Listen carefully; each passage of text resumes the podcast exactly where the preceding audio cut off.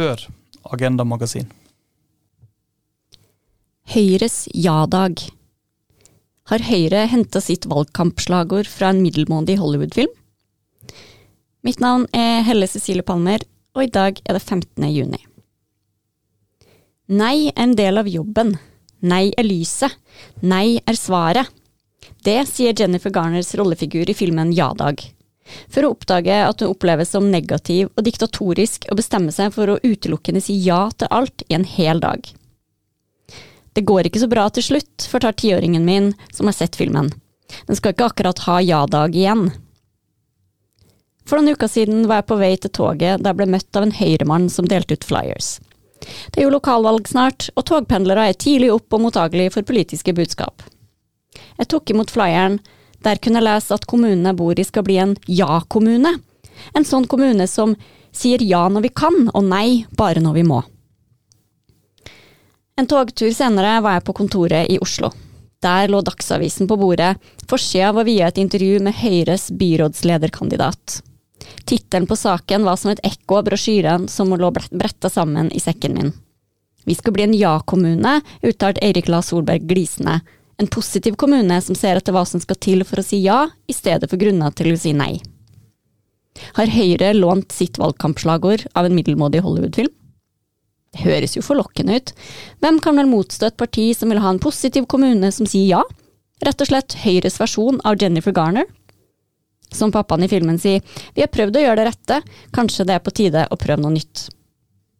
Egentlig er det jo en fin ting å si ja så ofte som vi kan. Vi som har barn, eksempel, sier jo langt oftere nei enn ja, og hvis flere som meg, sier vi også ofte nei der vi kunne ha sagt ja men der stopper også sammenligninga mellom familier og kommuner. Som foreldre er vi jo ansvarlige for våre egne barn, og sier ja eller nei ut ifra våre verdier og ikke minst hva som passer. Barna kan få ja til is i dag, men nei i morgen. De kan hoppe og sprette i senga før jeg skifter sengetøy, men ikke etterpå. Barna stoler på at mamma og pappa tar de riktige avgjørelsene, selv om det betyr at de får både ja og nei til samme ting på forskjellige dager. Sånn er det ikke i en kommune, for det er jo sånn at når du sier ja til noe, sier du gjerne også nei til noe annet. Å drive en kommune er jo nettopp det her, behov og interesser veies opp mot hverandre, og opp mot politikken det eller de styrende partiene har vedtatt å følge. Det er lov å prøve å framstå som apolitisk ved å bare si at man skal si ja istedenfor nei, men valget handler om politikk og om ideologi. Det vet vi som skal velge politikere til høsten veldig godt.